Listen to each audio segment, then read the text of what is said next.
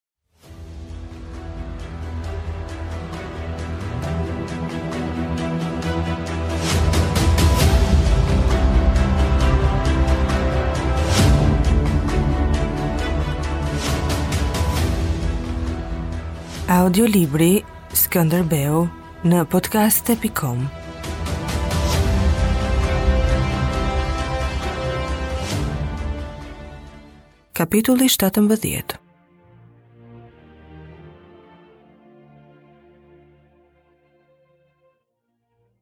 Gjermani ishte ankuar se nuk i kryheshin urdhrat në kohë. Topat u mbaruan me 10 ditë vonesë. U deshën 5 ditë të tjera që të ngjiteshin në Krujë. Më 14 korrik në mbrëmje, Topat ishin vënë në pozicione në perëndim të kështjellës, me grykat e drejtuara te porta. Gjermani u ngrit në këmbë dhe i foli Topçibashit me turqishten e tij gjithë zëza, me një përbuzje sikur do t'i dilnin nofullat. Ky njeri që i shfaqej Topçibashit edhe në gjumë, me fodullëkun e tij të paanë, ia kishte bërë jetën helm. Topçibashi do të jepte edhe kokën e tij, sikur ta lejonte sultani t'ia rripte Gjermanit lëkurën ngjyrë gruri, mbuluar me një push të verdhë që i trazohej nga era. Në vitet e fundit, qimet e verdha po i skuqeshin dhe Gjermani merrte çdo vit më shumë ngjyrë bakri, si edhe një rrogë sa të vezirit të madh. Topçibashi urdhëroi të zbrapseshin ushtarët ashtu siç kërkonte Gjermani. Vetë ndenji atje më këmbë.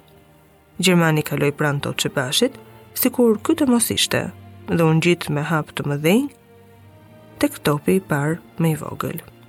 Ushtarët kërcyen në gropën prapa, një pjesë, dhe pjesa tjetër u struk prapa kodrës me fytyrat në tokë dhe duart e lidhur në vesh, sikur kërkonte Gjermani. Ky mori pishtarin nga dora e një ushtari dhe i ngjiti tri shkallët mbi folenë e zjarrit. Topçibashi i thirri edhe një herë me mendje Allahut që të flakte në xhehenem Gjermanin. Krisma lëkundi shtëpitë dhe tundi varrezat. Gjylja e gurtë, 300 okëshe, e lidhur me hekur, çau përpara, përkuli ullinjtë dhe u përplas në kaldrëmin te porta e kështjellës. Oshtima në malin shkëmbor ishte më e tmerrshme se krisma. Për disa çaste që u dukën tepër të gjata, Mali u lëkund sikur po shembej për t'i groposur të gjithë, rrethues e të rrethuar. Njerëzit mbetën pa gojë. Shpërthimi kishte trazuar forcat e fshehta të dheut dhe tani duhej të prisnin katastrofën. Por asgjë nuk ngjau. Gjermani zbriti shëndoshë e mirë nga topi i parë, që të kalonte tek topi tjetër 400 okësh. Ndërsa Gjermani punonte me disa leva hekuri, Topçibashi u afrua dhe ndenji në krah të tytës. Gjermani e pa dhe tha diçka me një zemërim të përmbajtur, sikur Topçibashi t'i kishte zënë diellin. Ai mbaroi punë dhe u ngjit lart tek foleja e zjarrit. Vuri prapë dyllin në vesh, e shtypi mirë e mirë, dhe lëshoi një britmë ndihmësve të zbrapseshin. Pastaj lehu diçka në drejtim të Topçibashit, Ky iu afrua tytës edhe më. I ra me pëllëmbë për ta përkëdhelur. Ai ishte komandant, mëkëmbës i vetë sulltan Mehmetit dhe nuk do të zbrapsej.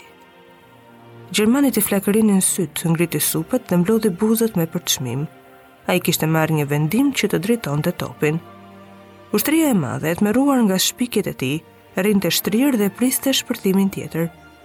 Kjo e dyta, do të ishte krisma më e madhe që pati shkaktuar deri atëherë njeriu. Gjermani uli krahun me pishtarin pas shpërthimit, liroi veshin nga dylli dhe ndoqi masën e gurit të kalitur që fluturoi lart në vijën e llogaritur prej tij shumë herë. Në mesin e rrugës u duk sikur sfera e gurit nuk do ta mbante peshën e vet, por ajo u vërtit si një shpirt i xhindosur, ra mbi murin sipër portës dhe e shembi për gjysëm. Kur u hap tymi, kështjella rrinte në vend si një trup i shpuar tejet, që do të rrëzohej nga çasti në çast. Topçinjtë u shkëputën nga toka, të habitur, të lumtur që shpëtuan paq. Gjëmimi i madh jehoi në shpirtin e gjithë ushtrisë. Asnjë fortesë dhe asgjë njerëzore nuk mund t'u qëndronte atyre shpërthimeve. Shpërthimi e kishte zbrapsur Topçibashin dhe ia kishte shtypur trupin. Ai u mbajt më këmbë tre hapa më tej.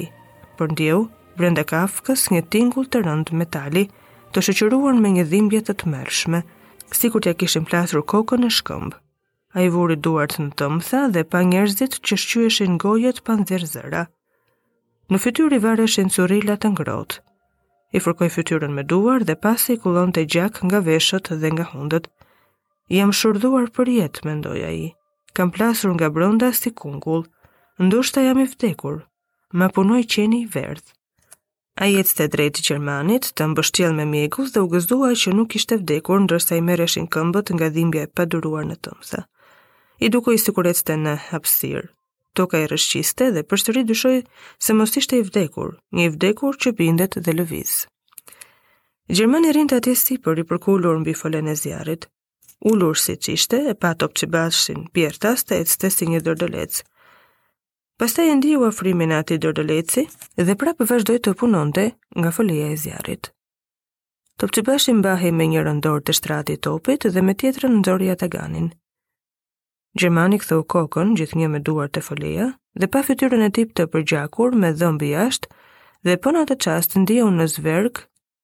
presën përvëluese që i erdhi nga mbrapa dhe i hyri në kockë.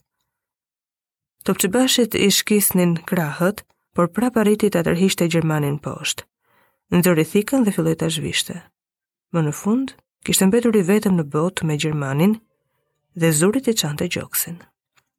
Pasdite, re të padukshme zunë qiellin, duke e veshur me një cipë të bardhë.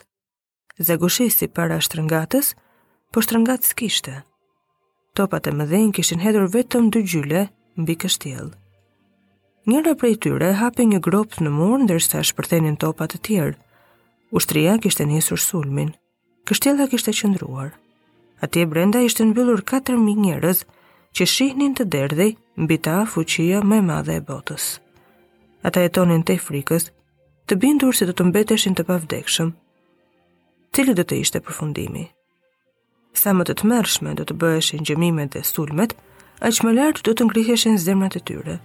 Kjo ishte një anë e fshehtë e zemrës njerëzore, të cilën sulltani e kishte parë të shfaqej në disa njerëz në çaste të vështira të jetës së tyre.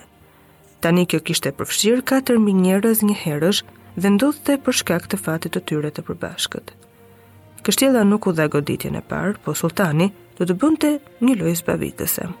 Do të mbante kështjellën të rrethuar, duke e munduar natën, dhe ditën ajo do të kishte të bënte me forcën e palodhur e të pashtershme që do t'ia bluante gjymtyrët pjesë-pjesë. Topat e mëdhenj do të qëndronin edhe pa gjermanin, Sulltani zbriti në kamp dhe urdhëroi ta vinin topçibashin në një hu të lartë. Ditën e tretë topçibashin e zbritën nga huri dhe ua hodhën qenve.